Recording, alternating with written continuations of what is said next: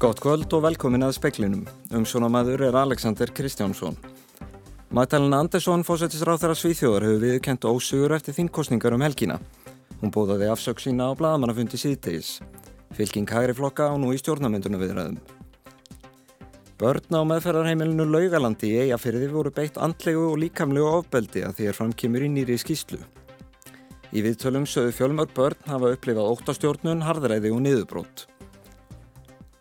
Ekki hafa færri tilfelli koronaviru greinst á heimsísu frá í mars 2020. Forstjóri Alþjóða helbriðismálastofnunarinnar segir endalók faraldursins í sjónmáli. Og fastegnamarkaðurinn er að stillast og íbúðum í sölu að fjölga.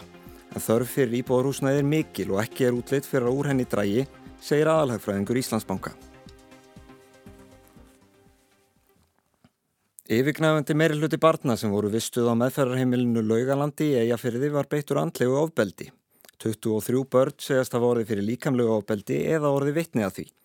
Þetta kemur fram í nýri skýslu gæða og eftirlitstofnunar velferðamála. Í viðtölum sögust fjölmörg börn hafa upplifað óttastjórnun, harðræði eða niðurbrót. Skýsluhöfundar segja ekki óvarlegt að ætla að þessi upplifun sér stóð í raunveruleikanum með að við gögn málsins. Í útæktinni kemur fram að barnavendareiðvöld hafi brúðist eftirlitskildu sinni. Þau hefðu átt að breyðast við ákalli fórstöðuhjóna um aukna geðhelbyrðistjónustu og skerast í leikin þegar mikið álag starfsfólk var ljóst. Í skýslunni segir að alla tíð hafi mikið álag verið á rekstararæðilum og starfsfólki en mönnun hafi verið í lámarki. Endalokk koronaviru faraldur sinns á heimsvísu eru í sjónmóli, segir framkvæmdastjóri alþjóða helbreyðismálastofnunarnar. COVID-tilfelli hafa ekki verið færri síðan í mars 2020. Samkvæmt nýri sóttvarnaskíslu alþjóða helbreyðistofnunarinnar fækkaði tilfellum um 28% í síðustu viku. Þá greindust aðeins 3,1 miljón tilfella á heimsvísu, í vikunni þára undan fækkaði þeim um 12%. Tetros Gabri Jésús, framkvæmdastjóri alþjóða helbriðstofnunarinnar, segir að heimsbyðin sé dauða færi við að ráða niðurlögum farsóttarinnar. Stopnunin vekur engur síður aðtikli á að fækkun tilfella geti verið tilkomin vegna fækkunar á COVID-prófum á heimsvísu, þó sé óleiklegt að önnur stóð bylgja ríði yfir. Pétur Magnússon tók saman. Magdalena Andersson, formaðu jafnaðamannaflokksins og fórsetisra á þeirra svíþjóðar, segi niðurstöður kostningana um liðna helgi vera skýrar. Hún tilkynnti á bladamannafundi á sjötta tímanum að hún hefði spegast lausnar á morgun. Så imorgon kommer jag därför att begära mitt entledigande som statsminister och ansvaret för den fortsatta processen kommer nu gå över till talmannen och riksdagen. Talning atkvæða í sænsku þingkostningunum helt áfram í dag. Fyrir daginn í dag munaði einum þingmanni á hægri og vinstri blokkinni en síðdeis varð ljóst að hægri blokkin hafiði bætt við sig öðrum þingmanni og þar með var sigurinn innan seilingar. Úlf Kristersson, formaður móti raterna, hefur farið fyrir fylkingu hægri flokka. Andersson segir að hægri flokkarnir hafi náð meiri hlutanum þótt hans í naumur. Aug móti raterna eru svíþjóðardemokrater, kristilegir demokrater og frjálslindi flokkurinn í hægri fylkingunni sem nú hefur líst sigri í þingkostningunum. Svíþjóðardemokrater eru nú næst stærsti stjórnmálaflokkurinn í sænska þinginu á eftir jafnaðamannaflokknum. Andersson segir ljóst að margir svíjar séu órólegir yfir þessari stöðu. Á bladamannafundi á sjötta tímanum sagði Andersson mikilvægt að ný ríkistjórn erði mynduð sem fyrst. Þangað til leiði Andersson bráðabirðastjórn. Þegar ný ríkistjórn taki við þá hegst hún leiða jafnaðamannaflokkin í stjórnarandstöðu. Fari svo að ný stjórn Kristersson haldi ekki þá standi hennar dyr alltaf opnar.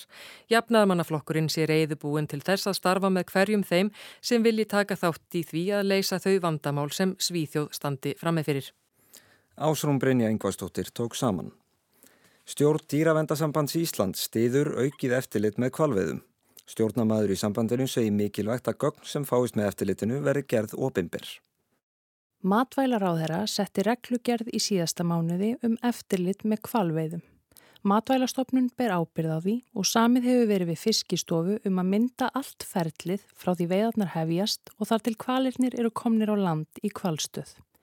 Sigursteinn Másson, stjórnarmadur í dýravendasambandinu, segir að þó það hefði kosið að kvalveiðum er þið hægt samstundis sé þetta mikilvægt skref. Við teljum að uh, með því að uh, auka eftirlítið og vera með þessa myndatökur um borð, þá er þetta sína fram á það sem við höfum verið að segja mörg ár, dýravendasambandið, að uh, það sé engin leið til að drepa svona stór dýr í hafinu á mannulegan há. Sigursteit segir að það skipti öllu máli að rétt sé staðið að eftirlitinu. Norskur dýralæknir sem rannsakaði kvalveðar hér á landi árið 2014 komst að þeirri niðurstöðu að átta af þeim 50 kvölum sem hann fyldist með veiðum á háðu allt upp í 15 mínútna dauðastríð. Uh, ef við heimfærum þetta yfir á þann fjölda dýra sem hefur verið vittu núna og þetta hlutfall er það sama, að þá væru við að tala um að um 20 dýr í sumar hefði háð mjög langt og kvalafullt uh, döðastrið. Sigursteit segir að sambærilegar aðferðir og notaðar eru við kvalveðar væru aldrei samþyktar við sláturun landdýra í sláturhúsi. Amanda, nei, Gun, Gunnhildur Kjærúlf Birgisdóttir tók saman. Starf alþjóðlegu mannuðarsamtakana læknar án landamæra er ekki algjörlega áhættulust, en reynslan sem fæst er engu lík, segir starfsmöðu samtakana. Læknar án landamæra starfa í 70 löndum víða um heim og veita neyðaraðstóð þar sem þörfin er mest.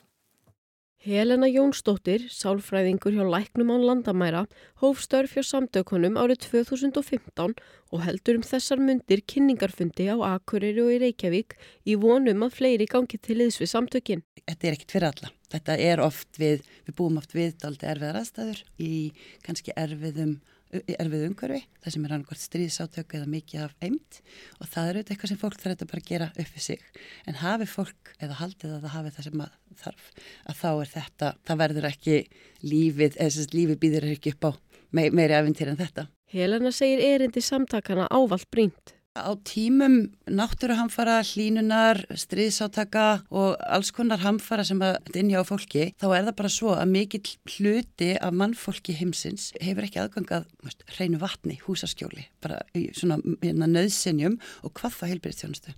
Þar sem heilbyrðistjónusta er kannski fyrir hendi, er hún rándýr og ekki um hversmanns færi og það er okkar markmaður við stoppa í þau gött. Hún leggur áherslu á að ekki sé skilirði að vera læknir til að sækja um líkt og nafn samtakana gefur til kynna. Einstaklingur þurfi aðeins að geta tekið þátt í rekstri spítala með einum eða öðrum hætti. Amanda Guðrún Bjarnadóttir tók saman. Íslensk stjórnvöld ætla að leggja til viðbótar fjármagn vegna neyðarástans í Sómalíu og Pakistan. Það fælst í 30 miljóna krónaframlægi til matvæla áallunar saminuðu þjóðuna vegna langvarandi þurka í Sómalíu. Þar búa 7 miljónir íbúa sem standa frammi fyrir hungursneið eftir verstu þurka á svæðinu í fjóra áratví. Þá er 30 miljónar krónar viðbútaframlag til flótamannastofnunar saminuðu þjóðuna vegna mannskeðra flóða í Pakistan sem hafa haft áhrif á 33 miljónir íbúa og yfir 1000 hafa farist. Haftir eftir utanikisráð þeirra í tilkynningu að stjórnvöldum beri skilda til að leggja sitta mörgum og veita neyðaráðstóð vegna áhrif á lofslagsbreytinga. Um 200 heilbreyðistofnanir og yfir 1400 sérfræðingar í heilbreyðismálum hafa undirritað áskorun á ríki heims um að gera bindandi samkómulag um að draga á nótkun jarðefnaelsnitis. Þeir segja mannkinnið verða að velja millir heilsunar eða jarðefnaelsnitis. Kallað er eftir því að stjórnvöldum allan heim, þrói og innleiði bindandi samkómulagum hvernig megi koma í veg fyrir aukna nótkun jarðefna eldsneitis í framtíðinni og jafnframt draga úr núverandi framleiðslu. Um 7 miljónir manna deyja á hverju ári á heimsvísu af völdum loftmengunar. Mengunin er að mestu leiti tilkomin vegna nótkunnar jarðefna eldsneitis. Í áskoruninni segir að með því að draga úr nótkun jarðefna eldsneitis verði hægt að koma í veg fyrir um 3,6 miljónir döðsfalla að völdum loftmengunar á ári. AFP fréttastofan hefur eftir Djarmit Kampel Lendrum yfir manni nefndar alþjóða heilbreyðis stofnunarinnar um loftslagsmál að það sé ekki hægt að laga sjúkdóma án þess að segja hvað veldur þeim. Hann segir bindandi samkúmulagið mikilvægt því þá sé ekki reynd að falsa kólefnisbókaldi eða búa til ímyndaðar lausnir til þess að geta haldið áfram að nota jarðefna eldsneiti. Við getum annað hvort notað jarðefna eldsneiti eða haldið heilsu, við getum ekki notið begja, hefur AFP eftir honum. Engin íslensk stofnun eða einstaklingur hefur undirritað samningin samkvæmt vef áskorunarinnar. Róbert Jóhansson sagði frá. Húsnæðis og mannverkjastofnun tilum merkjum að fastegnamarkaðurinn sé að kólna og aðgerið Sælabankans til að koma á hann böndum farnar að hafa áhrif. Íbúðum sem eru til sölu hefur fjölgað og kaupsamningum fækkað. Jón Bjarki Bentsson, aðalhagfræðingur Íslandsbanka, segir að vandin við að finna jafnvægi á fastegnamarkaði sé ekki síst að stilla saman frambóð sem breytist hægt og eftirspurt sem getur snúist á sveip stundu. Í byrjum februar voru rúmlega 400 íbúðir til sölu á höfuborgarsæðinu, nú er þær rúmlega 1000. Umsvið og velta á byggingamarkað eru meiri en mælst hefur frá árinu 2008 og þar starfa á 16.000 manns. Jón Bjarki tekur undir það að áhrif af aðgerðum Sæðlabankans, vaksta hækkunum og hertum skilurum fyrir lántöku séu farin að sjást. Frambóð eigna á markaðnum er fyrst og fremst núna vegna þess að eldri eignir staldraða lengur við. Það er ekki sami kaupþrýstingurinn að rýfa þeir út af markanum nánast hérna um leiðið að koma og eins, eins fleiri sem higgja á sölu greinlega heldur náður. Það held ég að hljótum að, að tengja við það að fjármangna kostnaður hefur hækkað. Þetta er auðvitað jafnbæðis kunst fyrir Sæðlabankan. Annars vegar hefur hann miklu hraðari og sterkari áhrif á eftirsputna á íbúamarka og reyndar bara á, bara á enga nýslu heldur en áður með því að vaksta umhverfið á, á íbúðamarkaði er sagt, núna í, í meiri mæli óvertryggt. Við erum með vexti á íbúðamarkaði sem endur speikla og taka meira mið af vöxtun seglabankans heldur en var fyrir 15-20 árum þegar tengingin á milli var mjög, mjög laung og slög. Það hjálpar honum í þeirri ætlansinni að jafna sveifluna, draga á þenslu og eftir aðtöku líka við stiðjaðu markaði þegar þess þarf En að samaskapi hefur þetta selbankin veruleg áhrif á, á byggingakostnað. Það er svona kunstin að við viljum þetta heldur ekki bregða fæti fyrir þá aðila sem vilja byggja hús með því að fjármengunarkostnaðir verði fram úr hói hár. Og sem betur verið erum við nú ekki á þeim stað enn sem komið er held ég. Við erum á á stað með vextina sem er alveg kunnulegur já, frá okkar sögu og, og ennþá lægri heldur við um átt síðan. Ég held í stóra samminginu þá gerir bankin kannski meira gagnin en ógagna á þessu markaði sem að dempar eftir spytina meira heldur en að hamlar frambóðinu en það stendur þá upp á aðra aðila sem að koma með bytni hætti að frambóðsliðinni að stuðla líka þessu jafnvægi. Áform ríkis og sveitarfélagum byggingu 20.000 íbúða næstu fimm árum er myndalegu pakki, segir Jón Bjarki, en það gæti orðið nokkur brekka að ná þeim takti í uppbyggingu á næstu mánuðu með ársfjörðungum. Mannverkja geirinu þetta glýmir við áskoru núna bara hreinlega að finna nú fólk til starfa heldur uh, til, það, það fólk þar segja sem þarf til þess að uh, anna allir þessari uppbyggingu. Við hefum sér betur við verið að, að sjá meira lífærast í geiran nýlega tölur sín okkur að, að umsvið í honum hafa aldrei verið meiri, allavega, allavega ekki frá því fari var að mæla uh, þær tölur með þeim hætti sem gertir í dag sem var, já þær eru nú ekki nema rúmlega áratöðar gamlar en samt sem áður við erum búin að fara í gegnum eina uppsveiflu uh, mjög myndalega á þeim tíma, aftur svolítið niður sveiflu núna í, í kringu faraldur og nú, núna erum við aftur komið greila á stað þar sem að umsvið í geiranum eru með allra mesta móti sem hafa verið frá, frá 2010 frekari eh, vöxtu til dæmis, frekari mannlafla þörf þarf í stórum dráttum að mæta þetta með því að, að fá hinga til lands vinnu að blað utan. Eins og reyndar hefur verið gert ef maður skoðar samsetningu á vinnuafli í geiranum þá er sveiplana langmestu leiti mynduð af innfluttu vinnuafli. Það er að segja sem sagt innlendi starfsmenni geirunum þeir eru svona fasti sem að svona vex hægum skrifum og sveiplast ekki mikið á meðan sviblan í ellendustarsmönnum, hún fylgir þessum heldarunsöfum bísna, stert. Eh, Kúnsti núna er að það, við erum ekki eina landi sem erum að klýpa við það að, að leitað fólki í mannrafsreka greinar. Það hefur verið vaksandi skortur á vinnuafli viða í löndunum í kringum okkur en það sem að kannski eh, hjálpar okkur þó að ástæðan sé nú ekki gleðileg er að það er að verða svolítið skarpur viðsnúningur uh, sérilega í Evrópu og, og, og efnagshorfur fyrir veturinn eru hansi dabrar þar. Og það kannski auðveldar okkur að finna fólk til að manna okkar uppbyggingu hér. Og kannski það gleðilega, svo, ma svo maður reynir að sjá jákvæðin í því, er, er að þá hjálpar það auðvitað fólki sem annars ætti erfiðar með að finna vinn í sína heimalandi vegna kreppu eða, eða samdráttar það getur þá fundi, fundi vinnu hér að miskusti tíumbundið. Eh, en, en það skapar svo auðvitað áskorun sem fælst í því að með að við erum að ná upp taktinum í mannverkjarkerni þá eru það fólk sem, að, sem á byggja húsi það verður ekki starf búa. Við þetta vegasalt frambóðs og eftirspurnar á fastegnamarkanum bæti svo að hagkerfiði frekar í þenslu en slaka þó það sé aðeins misjamt eftir geirum. Þar ber eindir að halda í til haga að það er verið að íta svolítið öðrum fjárfestingum aðeins aftar í tíma í okkur. Það er verið að leitast að búa til svolítið meira pláss fyrir þennan geira að auka umsif með því að, að, fresta eða, eða hafa hægari takt í öðrum ofinbjörnum frákvæmdum þá í leiðinu þetta hjálpar, hjálpar ríkisjóði að ná fyrr jöfnuði þetta er nellaværi. Í stóra saminginu samt eh, verður væntalega eh, umsifin í mannverkgerunum og þenslan þar verður áfram talsverð og, og það er ekki þannig að maður sjáu fyrir sér aðgerðir, já, með því sælbakas og, og ríkistjóðnar verði til þess að hér verði samdráttur og myndi slaki. Það er bara verið að slá svona mesta tenslu kúfin og færa þá þau aðföngu, mannablan, tækin og allt eftir megni, eftir því sem að aðstæðu leifa úr öðrum uh, tegundum mannverkja gerans yfir í byggingu á, á íbórhúsnaði.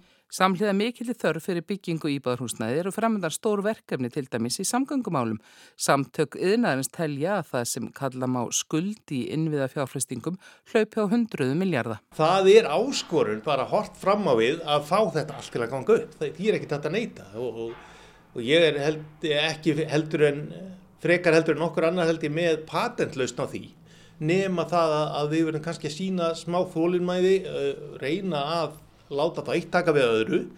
Það eru þetta lúksusvandi fyrir mannverkjagerana að hér séu sagt, áallanir um stórfælda uppbyggingu með tímanum, bæði í engageranum þá bæði í borhúsnaðu með tímanum aftur í atvinnúsnaði og svo eins í, í, í ofnbyrju einviðunum í, í vegagerðu og brúasmíði og öðru slíku.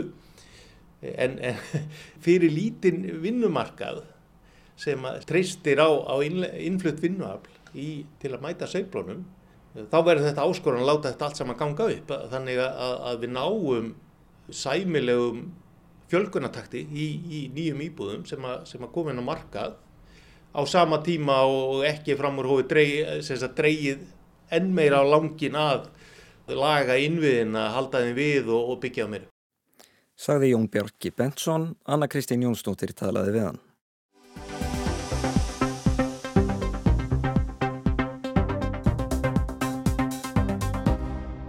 Evrópubúar þurfa að fara sparlega með raforkuna í vetur.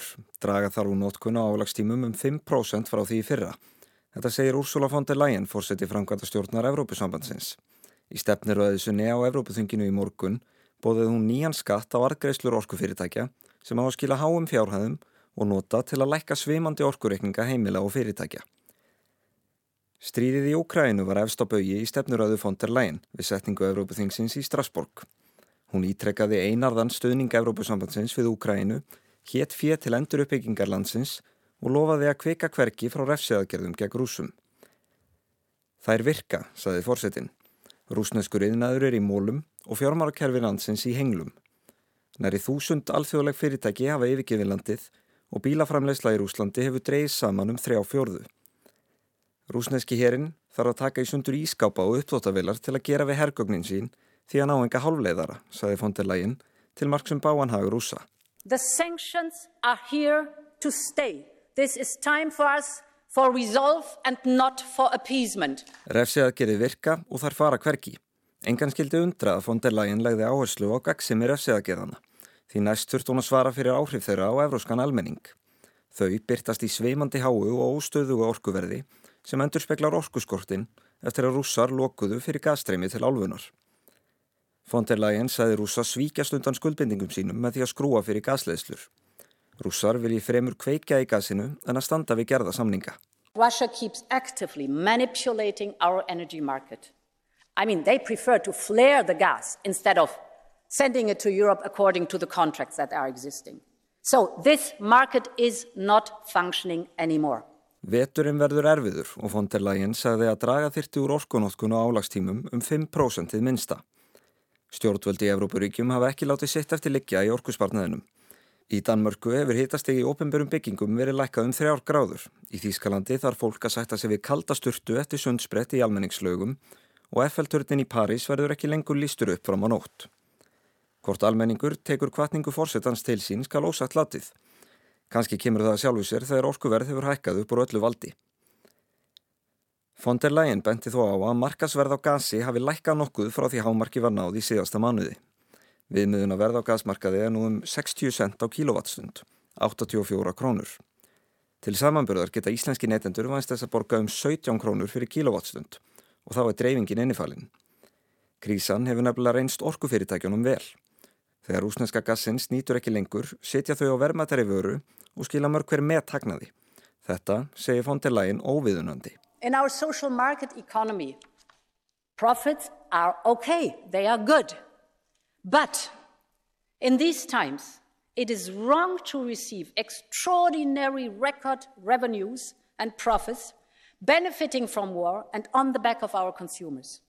In these times, profits must be shared and channeled to those who need it most.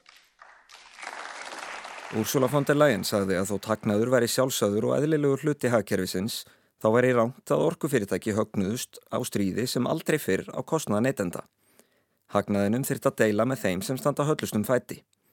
Hún bóðaði nýjan skatt á hagnað annara orkufyrirtækja en gasfyrirtækja.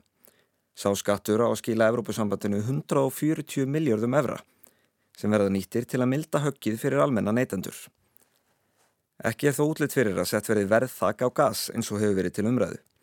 Frankvæntastjórnin vill ekki innlega slíka reglur af óta við að þær drægi úr frambóði og að gerðin er í marklaus nema hún æði til gas sem er framleitt annar staðar í Rúslandi en það er rúsnest gas aðeins 9% af öllu seldu gas í ESB um þessar myndir. Meðal annar áforma sem fonderlægin kynnti eru heimild til tímaböndina ríkistaðstóðar til orkufyrirtækja, aftengingar af orku og gasverðs Já, og aðgerðir til að draga úr orkunótkun. Það er draga úr eftirspurn og leða til þess að verði lækkar. And I want our union to take example from its people. So reducing demand during peak hours will make supply last longer and it will bring prices down. Til marksum stöðuna í orkumálum Evrópu hafa tjekkar sem fara með forsæti í ESB út þetta ár búða til neyðarfundar með orkumálar á þeirrum ESB-ríkja í lók þessa mánadar. Á honum getur þessa tilugur sem Ursula von der Leyen búðaði orðið að veruleika. Josep Borrell, utaríkistjóri ESB, ávarpaði þing með neitning. Hann sagði að Evrópubúar þyrtu að aðlaga hitavenjur sínar næstu mánuði. Á mannamáli að sætta sig við kaldara heimili. Ef það ekki aldi fyrir sjálfstæði í orkumálum þá greiðu við það, sagði Borrell. Á jákaðum nótum hefur Evrópusambandinu gengið betur en vonur stóðu til að fylla á gasbyrði sínar fyrir veturinn. Gasgeimslur Evrópu eru nú um 82% fullar og eru komna fram úr þeim markmiðum sem átt að ná í oktober. Venjulega eru þær þó smekk fullar á þessum árstíma.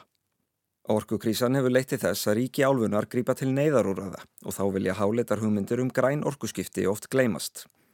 Í Þýskalandi ekst kólanótkun eins og orkumálastjóri bendi á í viðtali við speilin í gær, þar sem stjórnvöld reymbast við að auka orkuframbóð. Það er erfitt að segja fólki að hugsa um kólefnissporið þegar það hefur ekki efna á að halda íbúðinni heitri. En til lengri framtíðar má græn orka ekki gleymast. Nýr fjárfestingabanki Európusambandsins á að horfa til framtíðar og fjárfesta fyrir um 3 miljardar efra í vettnisorku. Rúsneska gasið, það kemur aldrei aftur.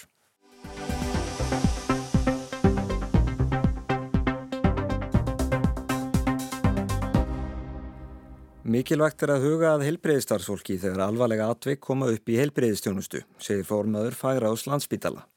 Slíka atvik eru sjálfnast á ábyrðið einn starfsmanns heldur afleðing af röð atvika sem geta endað á herðum einn starfsmanns. Þrátt fyrir það lækast þau þungt á starfsfólk og það getur bitnað á gæðum heilbreyðistjónustu. Færaðs landsbítala stóð fyrir málþingi um alvarlega atviki heilbreyðistjónustu í dag. Marta Jóns Hjörtísadóttir er formaður Færaðsins. Alvarlega atvik hafa sjálfsögðu fyrst og fremst alvarlegust áhrif á sjúklinga og aðstandendur þeirra, þeirra sem fyrir þeim verða. En það verið, er verið að tala um svolítið í fræðanum að það sé eitthvað sem kallaði ennsku second victim sem er semst heilbreyðstarsmörun sem að óvænt verður aðili að atvikinu.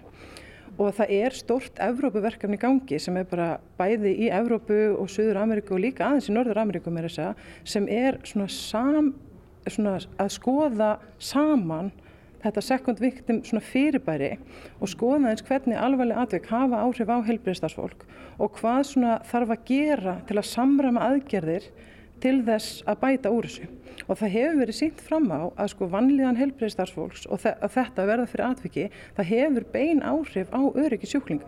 Þannig að með því að styðja helbreyðstarfsfólk, vera með skýran stuðning og hafa þetta allt svona í förstum skorðum og bara þekka fræðilega bakgrunn og vita hvað við höfum að gera, þá erum við að bæta öryggi sjúklinga af því það er alltaf það sem þetta snýst um. Og getur þú líst í svona hvaða aflengar þetta hefur fyrir helbreyðstarfsmanni þegar uppverður svona alvarlegt atvik? Sko þetta getur haft mjög margvíslegar afleggingar. Auðvitað erum við, við erum fyrst og fremst manneskjur og svo erum við starfsfólk og að verða aðili að því að eitthvað hræðilegt kemur fyrir aðra mannesku, það veldur að sjálfsögðu mikill í vanlíðan hjá öllum, maður alveg sama hvaða fagstitt það er. Og það hefur svona, það er mjög misjamt hvers konar áhrif þetta hefur á fólk og hversu djúft þessi áhrif rista. En það sem þau geta, þetta getur farið út í bara mjög alveg kvíða, áfallastreituröskun og valdi því að fólk rökklist úr starfi, hættir, veist, fer að gera eitthvað annað og fer út úr kerfinu. Eða og líka semst, að fólk vil ekki koma að vinna í helbyrðiskerfinu þannig að þetta getur orðið á svona vítaring veist, við það er meira álag og það verður meira, sem, meira líkur að einhver kom upp á og það verður freka til þess að fólk röklast úr starfi og það verður mjög ítrekað mikið af heilbjörnstarsfólki verið að minnast á það ymsum, á ymsum vettvangi það er algjört líkil atriði að það sé stutt við starfsfólk líka. Er þá, er þetta einhvers konar þá, er þá kerfið að klikka, getur maður sagt, er þá einhvern veginn eitt gera ábyrgur þegar vandin er ekki bara hans? Uh, það er svona það sem fólk óttast af því að það hefur verið sínt fram á til dæmis í öllum rótargreiningu sem hefur verið gerð á, land, á landspítala að það er, hefur aldrei í þeim komið fram að þessi yllur ásetningur heldur er þetta keðja, það gerist eitthvað, það fer, byrjar eitthvað að fara úrskeiðis og það er bara hver og fætur öðrum og svo er bara einhver einn á endanum sem er svona loka nikkurinn í þessu og svo manneski er ekkit meira ábyrg heldur en allt kerfið eða allt umhverfið. Þú veist það geta verið alls konar atriði eins og til dæmis bara að lifsjöu ólíkt, ólíkt mert með hvernig þið voru eða lifið með ólíka verkun hafa alveg smerkið með það. Veist, það. Það kemur svona einmislegt upp einhvern veginn í daglegu starfi. Nú er alltaf mikið verið rætt um manneklu á landsbítalunum. Heldur að það væri kannski minni manneklu ef að stuðningu við starfsfólk væri meira? Ég náttúrulega kannski bara svona fabulera um það en maður ímynda sér það með til dæmis allt sem kom fram hérna í dag að það hefur verið talað um að þessi stöðningur við starfsfólk skipta algjöru líkir máli og við hefum séð það í fjölmjöla umfjöllun bara í langan tíma það er það sem starfsfólk kvartar eða talar mikið um að það skorti stöðning, það skorti þessi hlustað á það, það skorti svona skilning. Og líka bara skorti rými til að fá tækifæri til þess að tala um eitthvað, að við höfum tíma til að setjast aðeins niður og fara yfir okkur hvað gerðist og eiga kannski trúnasamtal eða vin eða einhvern í vinnunum sem getur stutt mann. Þannig að þetta hefur, já, þetta er bara hvílir þungt af fólki. Sagði Marta Jón Sjördísadóttir, Kristín Sigurðardóttir talaði við hana. Veðurhorfur, norðlaga átt 3-8 metrar á sekundu en heldur kvassara austast. Skúrir á Suðaustulandi dáli til væta um landi norðaustanvert en annars bjart með köplum. Fremur hæg breytilega átt á morgun og víða léttskíjað en líkur á þokulofti við norðuströndina. Hiti 4-13 steg á deginum, mildast á Suðurlandi en víða nætufróst til landsins. Fleira er ekki í speklinum í kvöld. Tæknimaður var Magnús Stóstedt Magnússon, veriði sæl.